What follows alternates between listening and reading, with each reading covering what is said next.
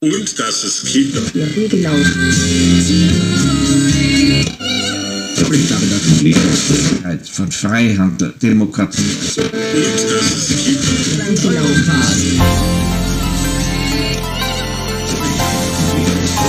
Von Freihandel, Demokratie. Und das ist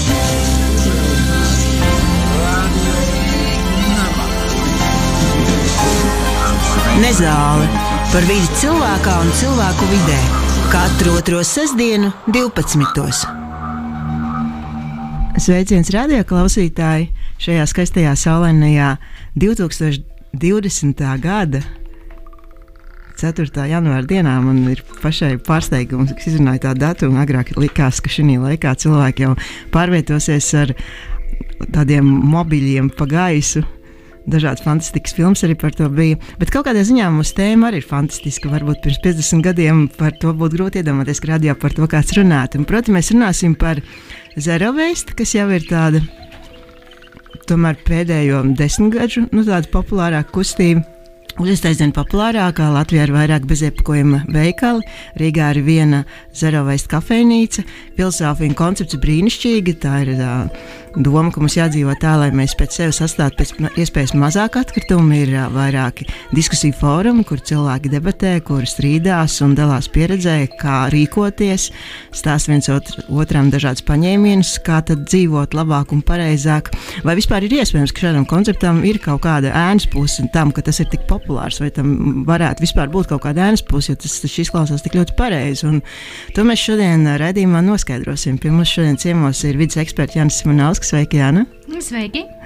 Un uh, divas pārstāvis no Zerovais Latvijas, Laura Treimana, sveika, Laura. Čau!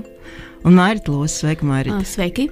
Varbūt uh, un studijā vēl ir Digis Taurītis pie pults un runāju šobrīd Nesani Trīvena.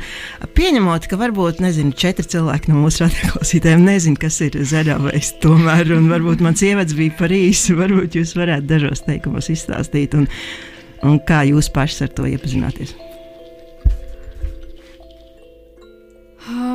Tā, nu, bezatkritumu dzīvesveids, jeb zero waste. Um, jā, um, ir, um, kā jau Sanita teica, atteikšanās, maksimāla atteikšanās no radīto atkritumu daudzuma, izvairoties no tiem, vienkārši neražojot. Um, lai to panāktu, mm, tiek izvirzīti pieci tādi kā principi, pamatprincipi. Pēc tam jau var katrs eh, radoši izpausties tālāk, bet nu, pirmais no tiem ir, ka mēs atsakāmies no liek, lieka iepakojuma iegādes vai no jaunu preču iegādes. Tad uh, mēs samazinām savu patēriņu, um, lietojam atkārtoti, uh, tikai tad šķirojam un pēc tam uh, ja nododam pārstrādē, un tikai pēc tam mēs nosūtām apglabāšanai poligonu. Uh, tad, principā, tie sākuma posmi ir atteikties no iepakojuma, iegādes uh, un uh, atkrituma ražošanas kā tādas, un tikai pēc tam ir šķirošana. Kā tu pati kļuvi par, nu, varētu teikt, jau Zerovais aktīvisti? Kā tas tā notika vienā rītā pamodies un saprati, šī ir tā diena? Es domāju, ka pakāpeniski nav viena tāda atskaites punkta noteikti, bet uh, tas bija jā, ka, ka Latvijā sāka rasties šīs diskusijas um, Facebook fórumā. Kaut kā es pievienojos, tad man tur panesās diskusijas ar draugiem, un tad jau arī kaut kā attapos uh, dibinot uh, kopā ar Mairtu biedrību. Mairita, tavs stāsts. Tā, mans stāsts sākas no citas puses, jo es jau strādāju kādu laiku vidas jomā, bet es strādāju ar vidas ietekmes samazināšanu mājās, cilvēku dzīvesveidā, Spānijā tādu zaļo māju programmu. Un tur, lai gan mēs runājām par iepakojuma samazināšanu, mēs vairāk koncentrējāmies uz šķirošanu, jo tas bija tas, kas tajā brīdī reāli cilvēkiem bija pieejams. Un tajā brīdī, kad es sāku šajā tēmā iedziļināties un izlasīju tādu Elena MacArthur Foundation informāciju, tādu New, new Plastic Economy, un sapratu, cik ļoti tomēr tā pārstrāde ir ierobežota un cik ļoti mēs. Tā kā dzeram aspirīnu mūsu pārtēriņa paģirām, kā var tā skaisti pasakīt, tad es sapratu, ka ar to šķirošanu vien nepatīk un nepietiek un vajag samazināt. Un tajā brīdī tev pilnīgi pagriežas skatu punkts un ieiešana jebkurā lielveikalā kļūst par tādu jā, kļūst par murgu, jo tu ieraugi, ka ir no mūžīga materiāla, no plasmasas, no materiāla, ar kuru mēs šobrīd netiekam galā, sagriezti kvadrātiņi, ko ielikt starp desas šķēlēm. Un tajā brīdī tu saproti, ka pasaulē kaut kas nav kārtībā un ka ar to ir jātiek galā gan cilvēkam, individam, gan vairāk, es teiktu, pat ražotājiem. Un Jāna, Jāna Simonovska, Jāna, kāds tavs stāsts? Tikai mikrofonu paņem. Tas stāsts noteikti ir garāks, jo mm, man vispār vienmēr ir interesējusi vide, bet pirmais, kas man sāpināja un, un, un satrauc, bija dzīvnieku bojāja, sugu izmiršana. Faktiski es augu kopā ar Darēla grāmatām. Un tad uh, Un, jā, un eh, domājot par vidas aizsardzību, un arī studējot to, es ar eh, kādu laiku sapratu, ka patiesībā mans dzīvesveids ir diezgan nezaļš, jo es tāpat esmu tajā patēriņa vilnī.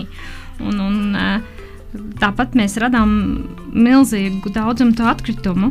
Un, bet es arī strādāju, jā, nu, cilvēki runā par zero waste un, un bezatkritumu dzīvesveidu, tad uh, politiķi valsts līmenī runā par aprits ekonomiku, kas būtībā tā pamatīdeja ir tā pati. Un, un faktiski Eiropas komisija ir diezgan skaidri pateikusi, ka aprits ekonomika, aprits stratēģija ir tas, uz kurien mēs ejam. Un šajā veidā šī pilsoniskā, ko mēs varētu teikt, tādu pilsoniskā tā grāsrūta zālienu kustība ļoti labi sa saskana ar uh, politiskajām nostādnēm. Mums tikko, tikko nokrita. Mēs paralēli filmējam, arī strīmojam dzīvo ierakstu Facebookā, un tikko mums nokrita telefons no sienas, tāpēc iestājies tāds apmulsums no manas puses.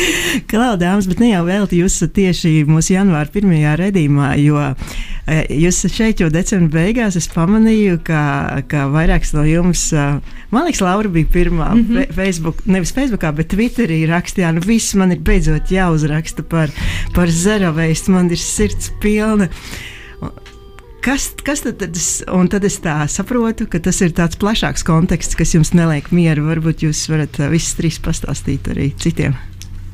Jā, es domāju, ka tas uh, tāds atskaites punkts noteikti bija tas, ka mūsu tā diskusija grupa nu, jau pulcē 12,000 cilvēku. Un jo vairāk cilvēku, jo vairāk arī nepatiesas informācijas tur sāk parādīties. Uh, um, neskaitāmi dalībnieki diskutē par to, vai klimata pārmaiņas ir vai nav, kā jau tur Maija iepriekš minēja.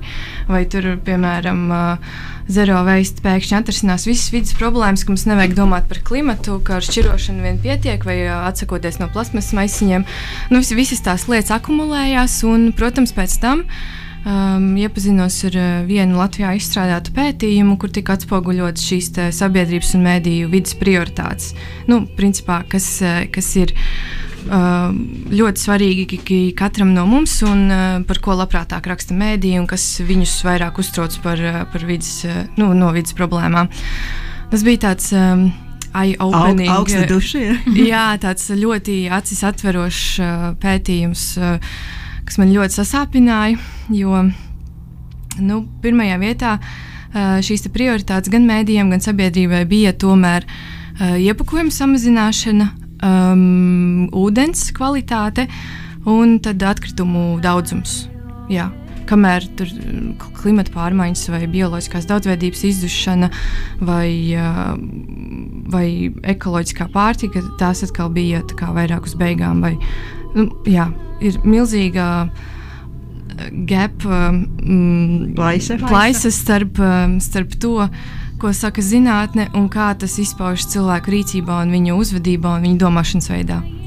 Tas, par ko interesējas cilvēki, varbūt nav gluži tās prioritātes, kā, kā varētu šķist skatoties uz pētījumiem, ja, jā, ko zinātnieki. Ja, mm, atkritumi ir liela problēma, bet tā noteikti nav vienīgā. Un man šķiet, ka šis rodas no tā, ka cilvēki pievēršas zaļajam dzīvesveidam, lai justos labi paši par sevi, lai viņi justos kā labi cilvēki. Un tad šī atkritumu samazināšana dod tādu ļoti, es teiktu, maldinoši vieglu atskaites punktu, cik tad es iemetu atkritumu konteinerā nu, tad es visu varu atskaitīt no tā, un es vēl jau man ir skaidrs, kas ir labi un kas ir slikti.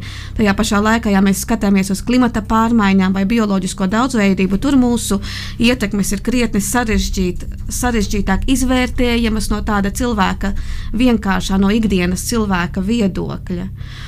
Un tas pats, piemēram, notiek arī ne tikai ar mazat, bezatkritumu, mazatkritumu dzīvesveidu, tas notiek piemēram arī ar vegānismu. Ja cilvēks izvēlas visu vērtēt pēc tā, vai produkts ir vegāns vai nav, vai šis, tā, tāpat tā, mm, tādā veidā rodas tādas pašas problēmas, tiklīdz mēs visu vides lielo, lielo problēmu kopumu un ietekmi kopumu nonivelējam līdz tādam vienam aspektam, tajā brīdī sākas problēmas. Nu, tad, kad mēs jau nonākam pie tā, ka mēs pērkam industriālā lauk, lauksaimniecībā audzētu lielo pagaļu katru dienu savā trauciņā, nu nav tas zaļi. Un tad, kad cilvēki rāda, kā viņi uzpilda ūdens pudeles, lidojot kārtējā lētajā lidojumā, tikai tāpēc, ka viņiem sagribējās aizšaut vienu nedēļas nogali uz Londonu.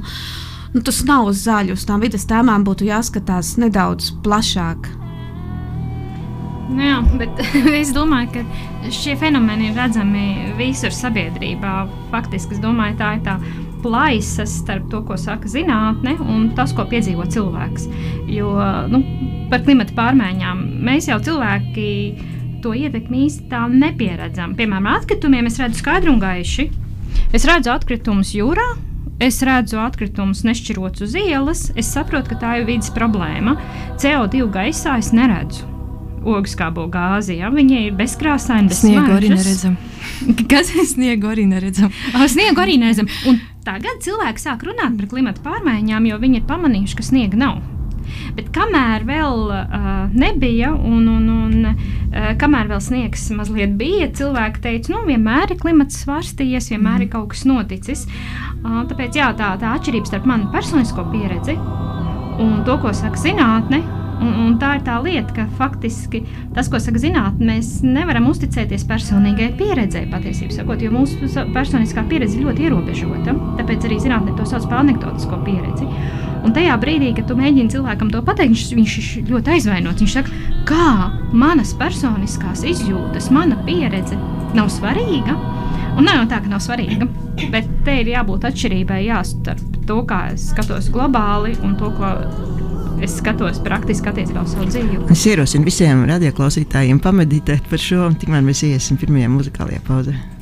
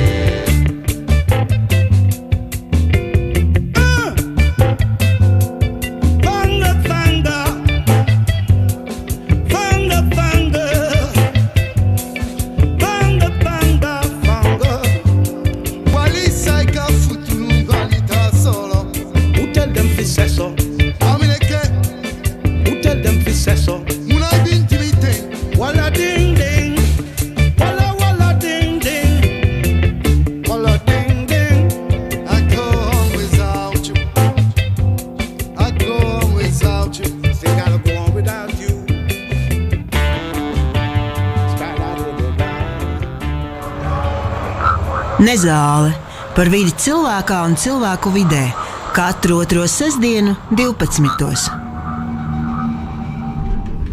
Esam atpakaļ studijā. Šodien mēs runājam par zerovēstu popularitātes ēnas pusēm. Vai citiem vārdiem izsakoties par nepieciešamību pastīties plašāk, ieraudzīt plašāku kontekstu. Un pie mums ciemos ir Laura Trēmana, Marita Lūsa no Zerovēs Latvijas. Sveikas! Sveiki, sveiki, vēlreiz. Un vidas eksperts Jānis Simonovskis. Sveiki! Sveiki. Pie pulcerdīdzes taurijas runāju šobrīd es Sanita Rībana. Atgriežoties, nu, mēs varam skatīties šo tēmu no dažādiem leņķiem, pamēģināsim no, no, no vairākiem arī paskatīties. Nu, piemēram, es esmu tāds nu, cilvēks, kurš nu, ļoti nopriecājies, jo pusgadu jau mēģinu nu, lietot zero waste principus savā dzīvē, iemiesot nu, tās hipotētisks cilvēks. Un tagad es ieslēdzu radio nabu, un jūs vienkārši man šokējat. Izrādās, ka atkal, atkal nē, es taču mēģināju, es, nu, mēģināju būt labs un glābt to planētu. Un, johaidī, nu, tad tagad kādus varbūt tādus vienkāršus padomus man kā tādam cilvēkam, kurš pusgadu ir mēģinājis un iepirkt, man jau ir kastītes jau mājās, viņš ne, iet speciāli uz veikaliem, kur nav iepakojums, viņš jau tur piedomā, varbūt kā, kādi būtu kaut kādi, es nezinu, varbūt desmit vai 15 vēl tādi aspekti, kas viņam jāņem vērā, kad viņš aiziet uz veikalu, vai vispār, kad domā, nu, ko tad savā mājsaimniecībā nu, viņam ir jāēd, vai ne, viņam ir jāvēl kaut kas mugurā, viņam ir kaut kur jādzīvo, kaut kā jāpārvietojās, nu, tā apturot viņa tādas, nu, tādas cilvēciskās dzīves, tādas, tādas segments, kas, nu, visiem mums ir. Uh, es domāju, ka tāds universāls ieteikums būtu skaties tālāk par savu miskasti. jo mm, uzsākot bezatkrituma dzīvesveidu, protams, tas ir izcili un katrs mazākais solis ir aps- apsveicams. Taču, nu, iespējams, laika gaitā tie paradumi vēl tālāk ir jāmaina. Un, uh, tad, jā, tas, tas varētu būt, ka mēs skatāmies plašāk, ne tikai samazinot atkritumus, bet arī šo vispār produktu ietekmi uz vidi, izvēlamies vidē draudzīgākus produktus vai uh, cenšamies ikdienā ko citu pamainīt uh, dabas uh, labad.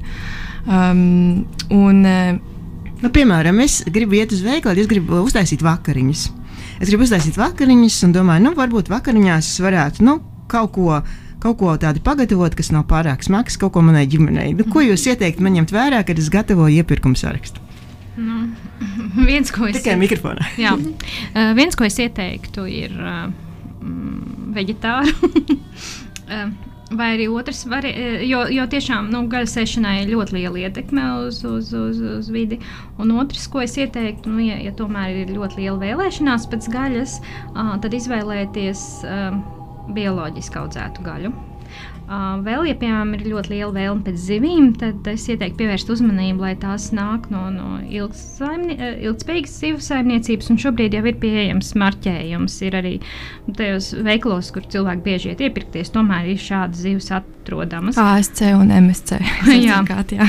Un vēl, ko es noteikti ieteiktu izvairīties no, ir tīģergarnēls. Uh, jo tīģeru garneļu dēļ izcērt mangrovu mežus audzes, nu, tas ir faktiski uz, uz jūras auga, mm, jūras saliņām auga krūmāji, kuras šobrīd pilda ļoti svarīgu funkciju. Viņas uzņem ļoti daudz augstskābo gāzi un, un, un Un, eh, tā kā aug pieprasījums pēc tīģergarnelēm, tad uh, viņas ļoti labi aug tajos ūdeņos, tad uh, šobrīd izcērta tās mangrovu audzes, un tur atkal audzē tīģergarneļu fermas.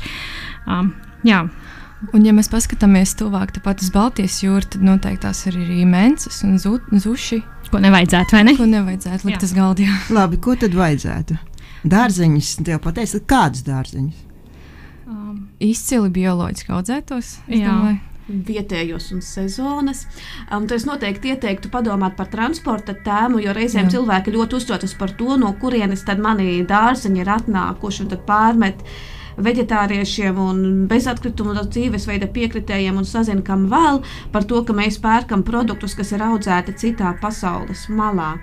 Kamēr šie produkti nav vesti ar lidmašīnu, bet ar um, transportu, gan sauszemes transportu vai pat kuģi. kuģi. Jā, tad tas viņu ietekme nav tik liela, tad šī transporta ietekme ir diezgan minimāla. Bet kā lai es kā cilvēks, kurš aiziet nopirkt banānu, zinu, kā tie banāni ir atrasti? Nu, labās ziņas ir tādas, ka produkti, kas tiek vesti ar lidmašīnu, ir parasti dārgi, un viņus, ja vien ir iespējams, tad nevienu produktu ar lidmašīnu nelidina tie ir kaut kādi produkti, kas ātri bojājas. Peru spārģeļi un Brazīlijas mango, nu, tie ir tie, kurus tev atvedīs ar lidmašīnu. Vispārējais Spānijas tomāti, uh, nevainosim viņus, viņi tiek atvesti šeit ar kravas mašīnām. Um, kas vēl tāds, es teiktu, atklāt Latvijas skaistos ziemas dārzeņus, jo es esmu tagad uzsēdusies uz rāciņiem un selerijas saknēm, un mums tepat uz vietas arī ziemā aug diezgan interesantas lietas. Un noteikti nevajadzētu uzsēsties arī uz tā sezonālā, jo, piemēram, atceros ļoti spilgti Jānis Brīsgamans stāstīja par tomātiem, jo mm, Latvijā vasarā audzēti tomāti, protams, ir vidē draudzīgāki nekā, teiksim, vesti no Nīderlandes vai Spānijas, taču ziemā Spānijas tomāti būs vidē draudzīgāki nekā Latvijas siltumnīcās audzēti, kas bija tāds man arī acis atverošs fakts. Jā, jo tev vajag, lai uh, augstās ziemās, lai apsildītu Jā. siltumnīcas, tev vajag pietiekoši daudz enerģijas. Un te ir atkal zinām, ir Latvijā tomāti, kurus uh, apsilda ar uh, Eh, atkritumu gāzes mm. enerģiju. Tur es atkal saku, jā, nu, tā ir atkal tāda ļoti saprātīga pieeja. Tas nozīmē, ka ja es vēlos patiešām būt vidē draudzīgs cilvēks, ak, dārgo radioklausītāji, tad es nopietni padomāju, labi, iepirkuma saraksts man ir sastādīts, es dodos uz veikalu, mm. iegādājos produktus un gatavoju sev vakariņas. Tad nākamā dienā es saprotu, ka man ir jā, nu, jāpapildina garderobe. Kā, ko jūs ieteiktu ņemt vērā? Hmm. Šeit labās ziņas man šķiet ir tās, ka bezatkritumu dzīvesveids un citas visas zaļās uh, lietas saka vienu un to pašu. Šeit pretrunu nav, jo mazāk, jo labāk, mazāk mēslu, vairāk kvalitatīvu lietu un vairāk lietu, kas ir tā kā lietotas, pirktas lietotu apģērbu veikalos. Mm. Šeit pretruna īsti nav. Noteikti varētu strīdēties par to, vai ir labāk sintētiskie vai dabīgie materiāli. Un te nu sākas jautrība, jo ir lietas, ko mēs savā starpā īsti nevaram salīdzināt. Piemēram, nu, piemēram kokvilnas krekliņam tiks patērēts krietni, krietni, krietni lielāks ūdens un enerģijas daudzums viņa ražošanā nekā tādam neilona krekliņam. Mm. Neilona krekliņam toties, viņš ir gatavots no neatjaunojamiem resursiem, un katru reizi, kad mēs viņu liksim veļas mašīnā, no viņas izlīdīs mikroplasmasa, un pēc tam, kad tas krekliņš būs nonēsāts, labākais, ko mēs ar viņu varēsim izdarīt, būs viņu sadedzināt. Nu, kā mēs to varam īsti samērīt? Nu, mēs nevaram salikt tādos ciparos. Tad, kad šeit ir jāatzīst, ka tajā vides jomā ieies arī tāds subjektīvais faktors pēc noteikta punkta, kas man ir svarīgāk, vai es vēlos atbalstīt ekoloģisko kokvilnu audzēšanu, vai izvēlēties kleitu no pārstrādātām pet pudelēm, piemēram. Labi, tagad ir apmēram ziema, nu, lai ir ārā no sniegs un temperatūra ir mazliet tikai Trīs grādi. Ir, es atceros, ka pagājušā vai aizpagājušā gadā um, bija dziesmu svētku gājiens, kad tas bija aizpagājušā gadā. Es toreiz vienkārši gāju tajā un bija tik augsts, ka es uzvilku kažoku. Jo es tā nospļāvos, nu, ka vasarā uzvilku kažoku, un tur tas varbūt tagad īpaši nu, ir tikai mazliet augstāks. Nu, tā tad es gribu siltās drēbes. Kam, kā jūs ieteiktu? Ko, ko tad man pirkt? Ko man Ar iegādāties? Pieņemsim, ka jā. Latvijā kādreiz atkal būs arī augsts. Ar siltām drēbēm gan ir mazliet sarežģītāk. Um, nu, Nu, viens ir uh, tas, uh, iepirkt pēc iespējas kvalitatīvas drēbes, jo, ja tu vari nesāt to mēteli 5, 8 gadus, vismaz 4, tas jau ir labi. Um, ja tu atkal nopērci tādu praķīti ātram patēriņam, nu, tad tur rēķinies, ka tev viņš ir ātri jāizmet ārā. Un faktiski tā vidas piesārņošana nav atkarīga no tā, cik ilgi kalpos tas apģērbs. Nu, visiem apģērba veidiem mēs patērējam aptuveni vienādu to resursu daudzumu apmēram vienmērīgi izmetam gaisā. Tāpēc, pērkot pēc iespējas ilgtermiņa apģērbu, tādu, ko es varu valkāt ilgi, tas pilnīgi noteikti no vidas viedokļa ir tas labākā pieeja. Nu, es pati staigāju, man ir, ja nemaldos, vilnas mētelis. Un es varu teikt, ka viņš kalpo diezgan labi un izskatās diezgan labi. un Tad man pašai ir arī viena no jakām. Un ar jakām jau ir sarežģītāk. Nu, tās tās. eh, Tās siltās, jā. Mm, Siltās jaciņas, jā, kas ir stepēts ar, ar kaut ko iekšā. Un eh, te viena no problēmām, kas vienmēr jāstāsta, ir, protams, Gorteks. Kas ir gorti? Jākas tiek apstrādātas no ārpuses, uh, lai atgūstu ūdeni. Un, protams, mums tas ļoti patīk, jo tas apģērbs nepaliek slapjš, un it īpaši, piemēram, slēpotāju apģērbiem un tādiem tas ir kā, nu, ļoti patīkami. Bet šobrīd uh, zinātnieki ceļ patiesu trauksmi, jo tie savienojumi, tās vielas, ar ko apstrādā šādu apģērbu, uh, ir. Uh, nu, tas ir nonāk vidē un nekad tur nesadalās. Un, un faktiski tās tie ir uh, perfluoru uh, savienojumi. Un, um, viņas, šie savienojumi nokļūst vidē, tie nesadalās, viņi uzkrājās uh, barības ķēdē, viņi nonāk pie mums atpakaļ un uh, bojā hormonālo sistēmu. Un, un, un tā ir. Jā, agrāk mēs zinājām, cik DDT ir slikts, tad šī ir jauna problēma. Faktiski arī īsti nezinu, ko darīt, jo mēs esam tik ļoti pieraduši pie šiem apģērbiem, kas uh, nepliek slapji, ka mēs pat neesam gatavi pieņemt to, ka mēs, Ka mēs vilksim- varētu palikt slapi. Jā, Man, man liekas, tik interesanti, ka nu, ir 21. gadsimts, otrā desmitgadē pat uh, neparādījās tāda tēma, ka varētu tikt iegādāts kāds kažokāds izstrādājums. Ai, jā, par to es nedomāju. un Īstenībā es arī nekad uh, neesmu īpaši vēlējusies.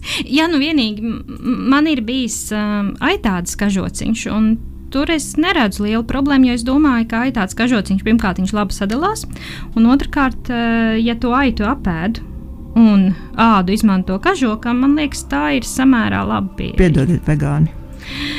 Jā, bet ja aita ir dzīvojusi laimīgi, Tad mēs ejam muzikālajā pauzē un risinām šo sarunu tālāk.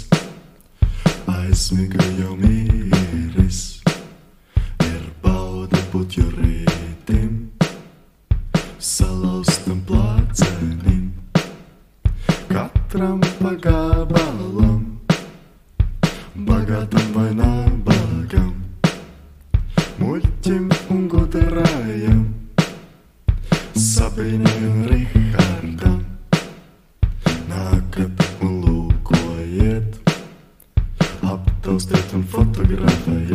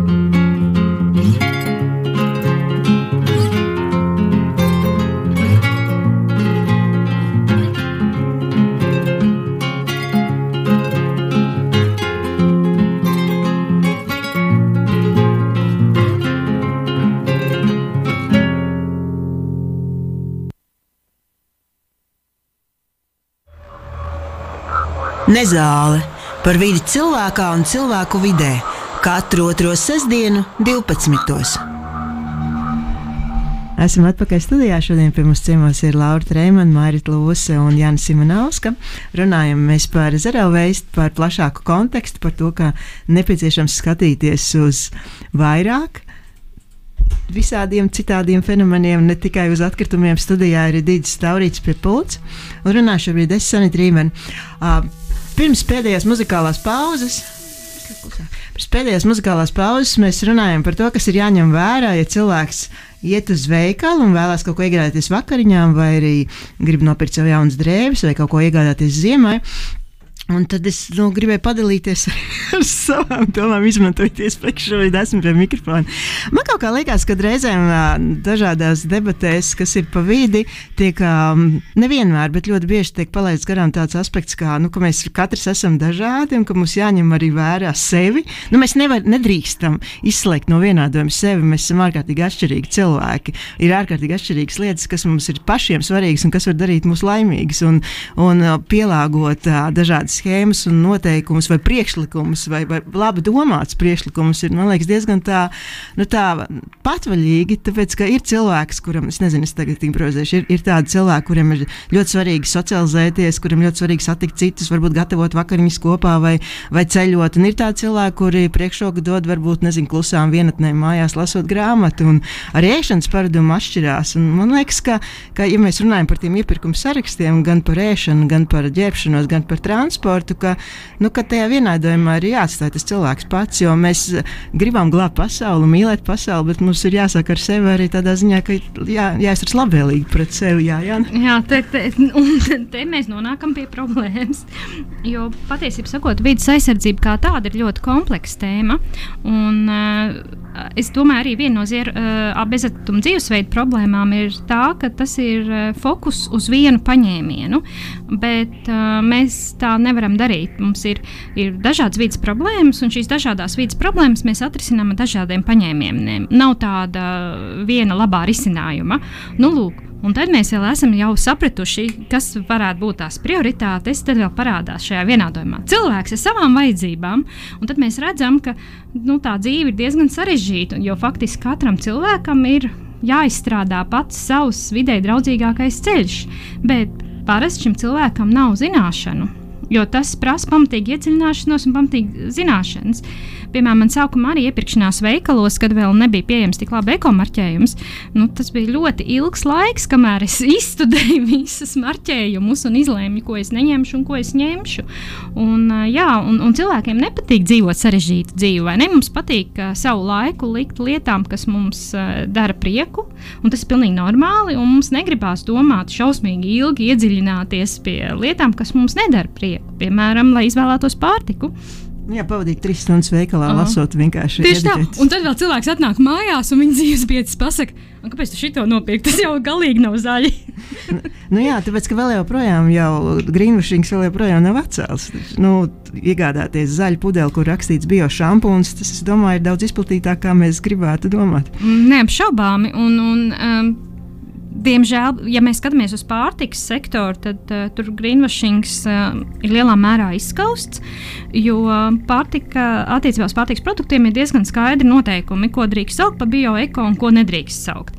Kamēr uz pārējo preču tirgu tie noteikumi ir mazliet izplūduši, un tos ļoti daudz ļaunprātīgi izmanto. Jums arī bija saruna par to zaļmaldināšanu. Uh, līdz ar to cilvēki ļoti bieži uzķerās, un arī kā mēs skatījāmies vienā aptaujā pirms vairākiem gadiem. Uh, visvairāk uz zaļmaldināšanu uzķerās tieši zaļie cilvēki. Jo viņi ir vienkārši no sirds ticīgāki zaļajai idejai. un tāpēc viņi arī varbūt pieiet uh, mazāk skeptiski. Nu, tur veidojās, kā viņš grib būt dzēš, un tā pašā laikā tās zināšanas nevienmēr aizsākt. Šajā ticīgo citadelē vajag vairāk skeptiķiem. Uh, jā. Jā, un es vēl par to, ka cilvēkiem es parasti saku, ka ne visiem viss der un ne visiem visu vajag. Tas ir pilnīgi normāli, ka katram cilvēkam ir savs dzīves stils un savas vajadzības. Es, piemēram, nekad neteiktu māmiņai, kura cieši no pēcdzemdību depresijas, izmantot vairākas reizes mazgājotās, vairāk reizes lietojamās autiņbiksītes. Vai arī, ja viņai ir vientuļā māmiņa, kur ir ļoti, kur ir ļoti, kur ir ļoti grūtos apstākļos, arī viņai es to neteiktu darīt. Mums katram ir jāsaprot, ko mēs kurš varam.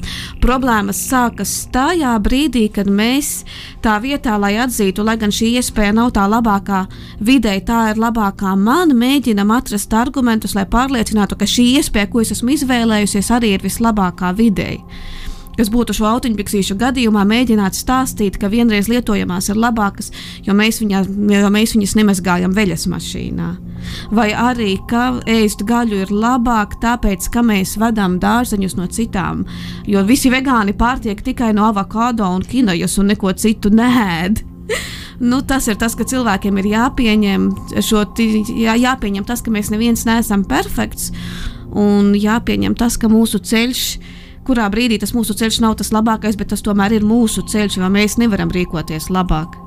Bet uh, tas varētu būt arī diezgan grūti, tāpēc ka šobrīd mēs dzīvojam jau divās vidēs. Mēs dzīvojam tādā 3D realitātē un 2D realitātē, kas ir uh, sociālie mēdīji un, un uh, sabiedrības spiediens un kaunināšana. Tas vienmēr ir atstājis milzīgi iespējas cilvēkiem. Agrāk taču varēja izraidīt no cilts un tu varēji nomirt. Un mūsdienās, ja tev uzklūp sociālajās tīklās, tāpēc ka tu godīgi pasaki, man ir pēcdzemdību depresija un es nepiešu tos attīstīt, tur ir jābūt lielai drosmei. Un, bet e, e, es arī piekrītu, ka tur ir jābūt spējai atzīt, ka es neesmu perfekts. Un, tur mēs arī nonākam pie tiem pašiem māmiņu kašķiem, ka tikko tu pasaki, ka ir kaut kāda darbība, kas bērnam būtu labāka, bet māmiņa kaut kāda iemesla pēc to nav izvēlējusies. Um, cilvēks nav gatavs to uzklausīt. Jo ir skaidrs, ka mums katrs ir jāpielāgo sev. Jā, ne, ne visu mēs varam izdarīt, un uh, mums nav jābūt perfektiem. Tas ir skaidrs. Bet cilvēkam šī vēlme būt perfektam ir tik ļoti spēcīga, ka viņš ļoti paliek pat aizskaitināts. Un to es arī esmu redzējis tajās pašās bezatkritumu diskusijās, ka tu tajā brīdī, kad pasaki, ka tā nav nu, tā zaļākā izvēle, cilvēks kļūst ārkārtīgi dusmīgs, jo viņš uh, grib būt labs, viņš ir uzstādījis sev šo noteikumu, ka viņš būs bezakrituma dzīvesveida pārstāvis. Viņš, un, un viņš būs labi. labs, tas jau būs primāri. Jā, jā un pēkšņi te uzrādās viens griņš un pasaka, nē, tā nav tā labākā izvēle. Laura, vai tev ir kāds pārdoms par šī uh, Jā, es gribu turpināt uh, nedaudz par šķirošanu. tā arī mana liela sāpe, kas tāda izveidojusies.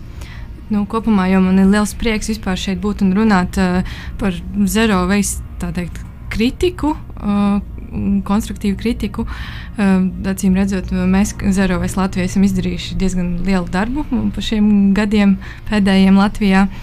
Bet um, mana tā sāpe ir konkrēti par šķirošanu, ka klausījos podkāstu, ne, neteikšu, kuru tieši, bet uh, podkāstu par zaļajām tēmām tieši tikai un vienīgi par zaļiem jautājumiem. Um, tur tika runāts gan par klimatu, gan zerovēs, gan uh, dabu, par, par vidas organizācijām, par visu kaut ko. Un uh, pēdējā raidījumā uh, visi uh, raidījuma vadītāji sanāca kopā un diskutēja par to, ko viņi jaunu uzzināja, ko viņi paņems tālāk nākotnē, un uh, varbūt kas bija tāds super interesants. Un tas, par ko viņi runāja, bija tikai un vienīgi atkrituma un šķirošana, lai gan visi tie raidījumi bija par kaut kādām dažādām tēmām.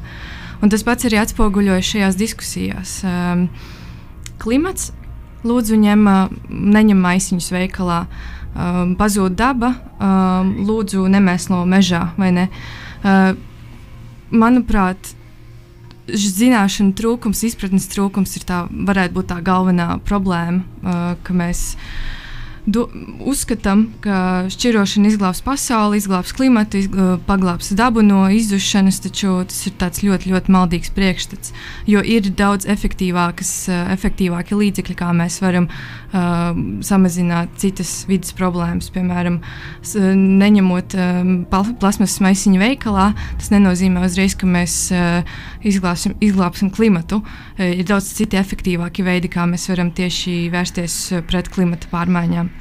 Man jau liekas, tas kājas stāv augā pavisam uh, vienkāršā lietā, darbā un naudā. Tāpēc, ka, nu, kā ir, ir, uh, ja ir kaut kāda tēma aktuāla, tas nozīmē, ka ir cilvēki, kam tā ir uh, šķitus gan vērta, lai tajā ieguldītu savu laiku un arī kaut kādus resursus.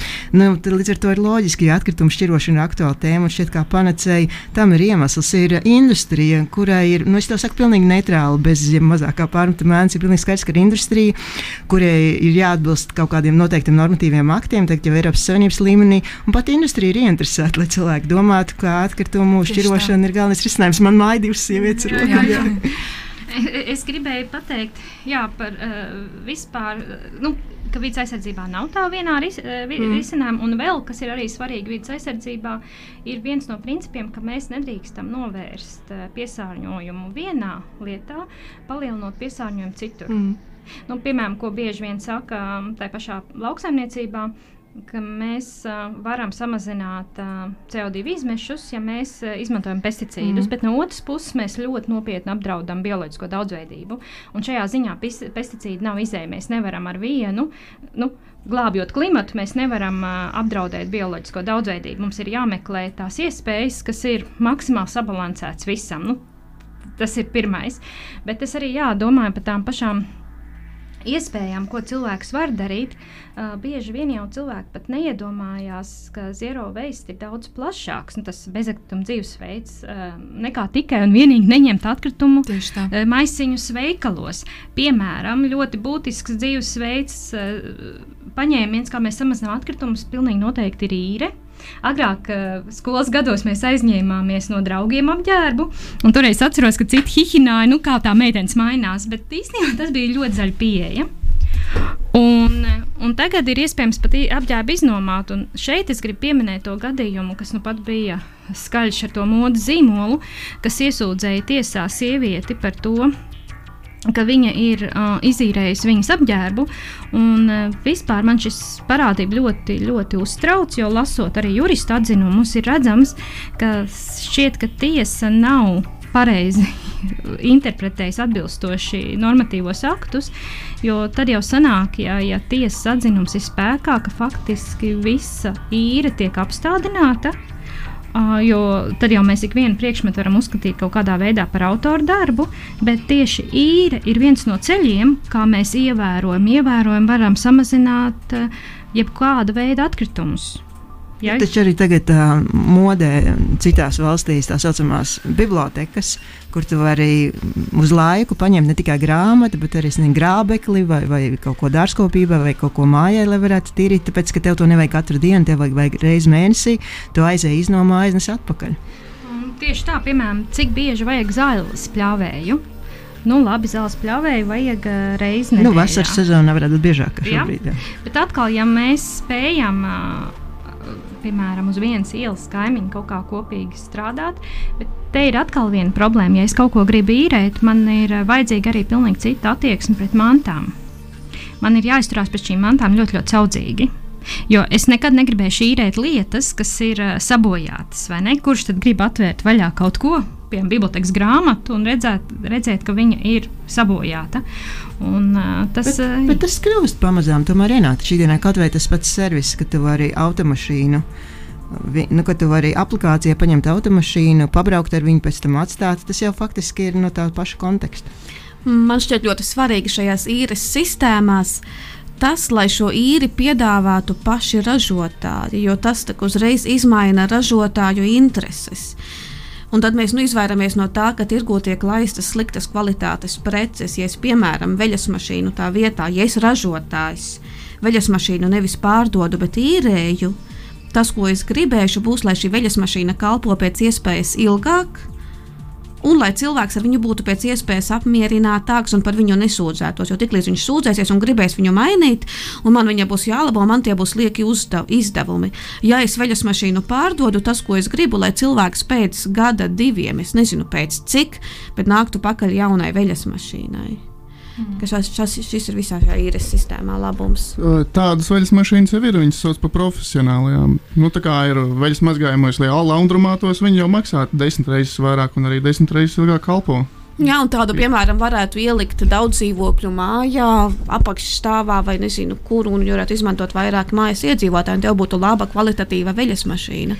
Es, kad dzīvoju, studēju vienu gadu Vācijā, es dzīvoju nu, skolēnu kopmītnēs. un Mums tieši pagrabā bija viena liela veļas mašīna, un mēs varējām nopirkt pie mājas saimnieka žetoniņus, un tad uh, varējām mazgāt veidu, cik uziet ar tiem žetoniņiem. Un, faktiski tas bija ārkārtīgi izdevīgi, jo pirmkārt arī uh, bija vairāk vietas katram studentam viņa dzīvoklī, jo nu, tur tā mēģis mašīna nav vajadzīga.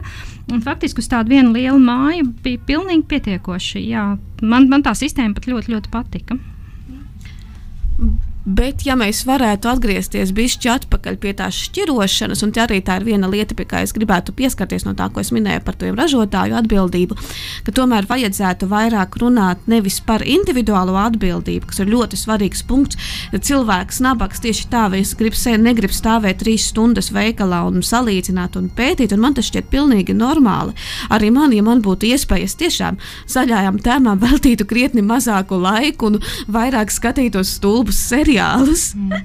es atzīšos, tad man šķiet, ka tieši būtu jāsakārto visas šīs lietas sistēmiskā nozīme. Tā kā tādā līmenī, ja mēs runājam par šķirošanu, tad mēs ļoti skaisti mācām cilvēkiem, kādi nu, tur ir tie konteineri un kas kur ir jāmet. Uh, bet tajā pašā laikā mēs neejam pie ražotājiem un nesakām viņiem, nu, neliec deviņas konfektes nepārstrādājamā kastītē un neliec produktus tādos iepakojumos, kas nav pārstrādājami. Jo šobrīd lielākā liela daļa iepakojumu nav pārstrādājami un viņi nav domāti pārstrādēji.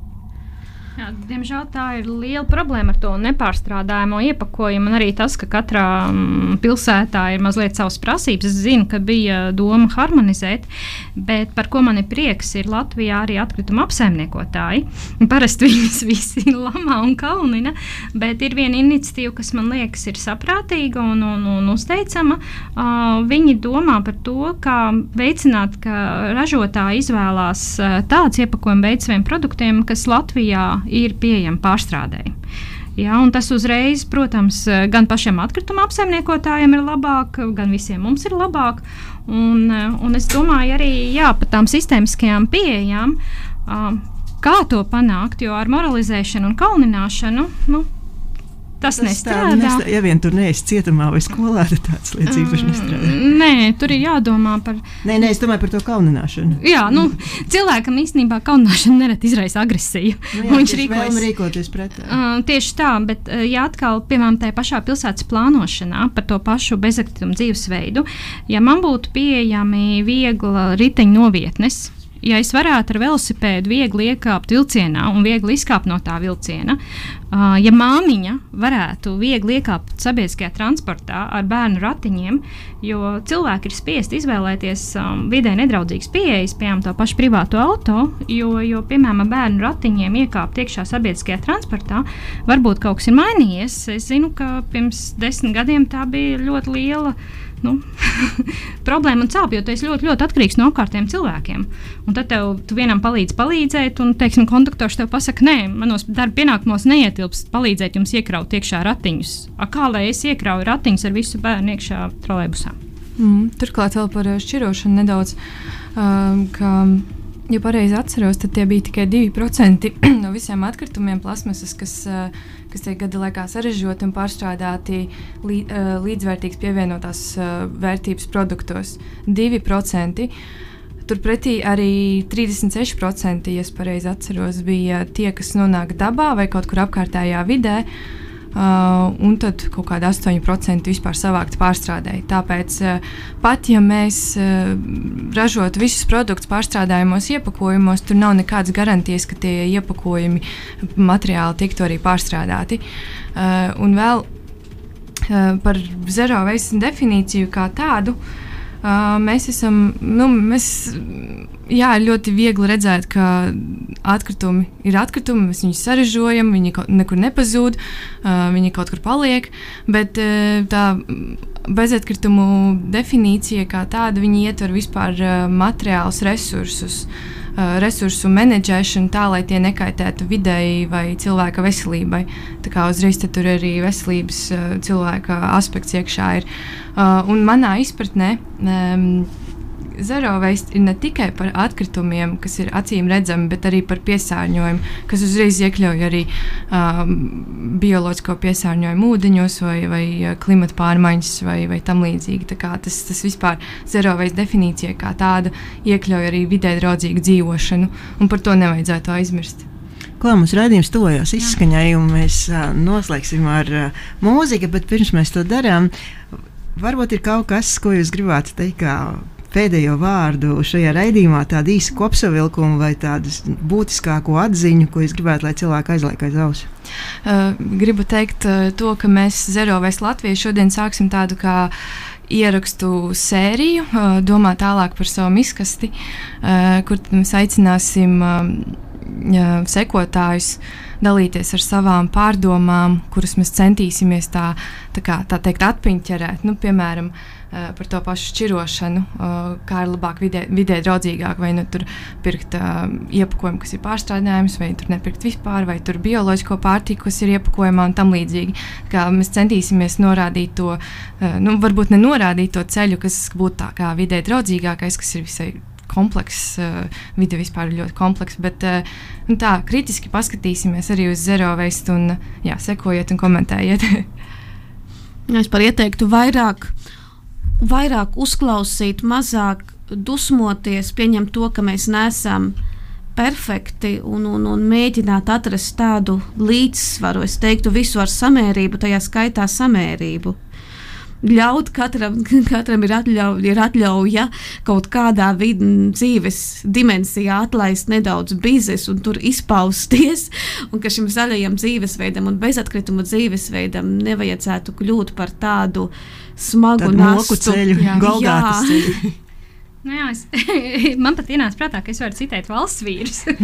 Bet es gribētu pieminēt, jā, Egi, eh, valsts prezidenta Egila Levita uh, Ziemassvē uh, jaunā gada runu, kur viņš pieminēja tādu vārdu kā pietiekamība, mm. kas man ļoti patika, jo faktiski tas nozīmē, ka mēs varam, mums nav tikai jātaisa vairāk, vairāk, vairāk, plašāk, plašāk, plašāk, bet mēs arī varam pastīties un dzīvot ar to, kas mums ir. Tas ir lielā mērā pretrunā ar pašreizējo dzīves modeli un ekonomikas modeļiem daudz kur. Nemitīgs progress. Uh, nemitīgs progress, jā, bet es domāju, ka tieši ka mēs varam izbaudīt dzīvi, izbaudīt dzīves kvalitāti un varbūt ieguldīt nevis tā ātros, lētos materiālos, bet skatīties un pirkt ilgspējīgus materiālus, priecāties no tā, ka mums ir lietas, kas ir izturējušas ilgi. Un ieteikums no manis. Mm, nevis dzīties pakaļ trendiem, ā, visām diētām, un ā, bezatkarīgiem dzīvesveidiem, un vegānismiem tam līdzīgi, bet sākumā apsēsties un izvērtēt pašam savu dzīvesveidu, kas ir efektīvākais un vieglākais, ko šajā brīdī es varētu darīt. Cienot sevi kā, kā cilvēku, savu laiku un uh, mentālo veselību, kā apsēsties, analizēt. Varbūt tās es varu lidot par vienu lidojumu mazāk gadā, kas jau būs daudz lielāks iegūms videi un vienkārši būt atbildīgam pret planētu. Pie mums studijā šodien bija Laura Trēmana, Mārita Lūse un Jānis Simonovs. Runājām mēs par zerovēstu, par to, ka jāskatās plašāk. Pie pults ā, un mūziku lika šodien Digis Taurītis. Jautāja galvenokārt es, Sanita Rībena. Nākamo sestdienu klausieties mūsu kolēģi zootehniku un es tikšanos vēl pēc vienas sestdienas. Nezāle par vidi cilvēkā un cilvēku vidē katru otro sestdienu, 12.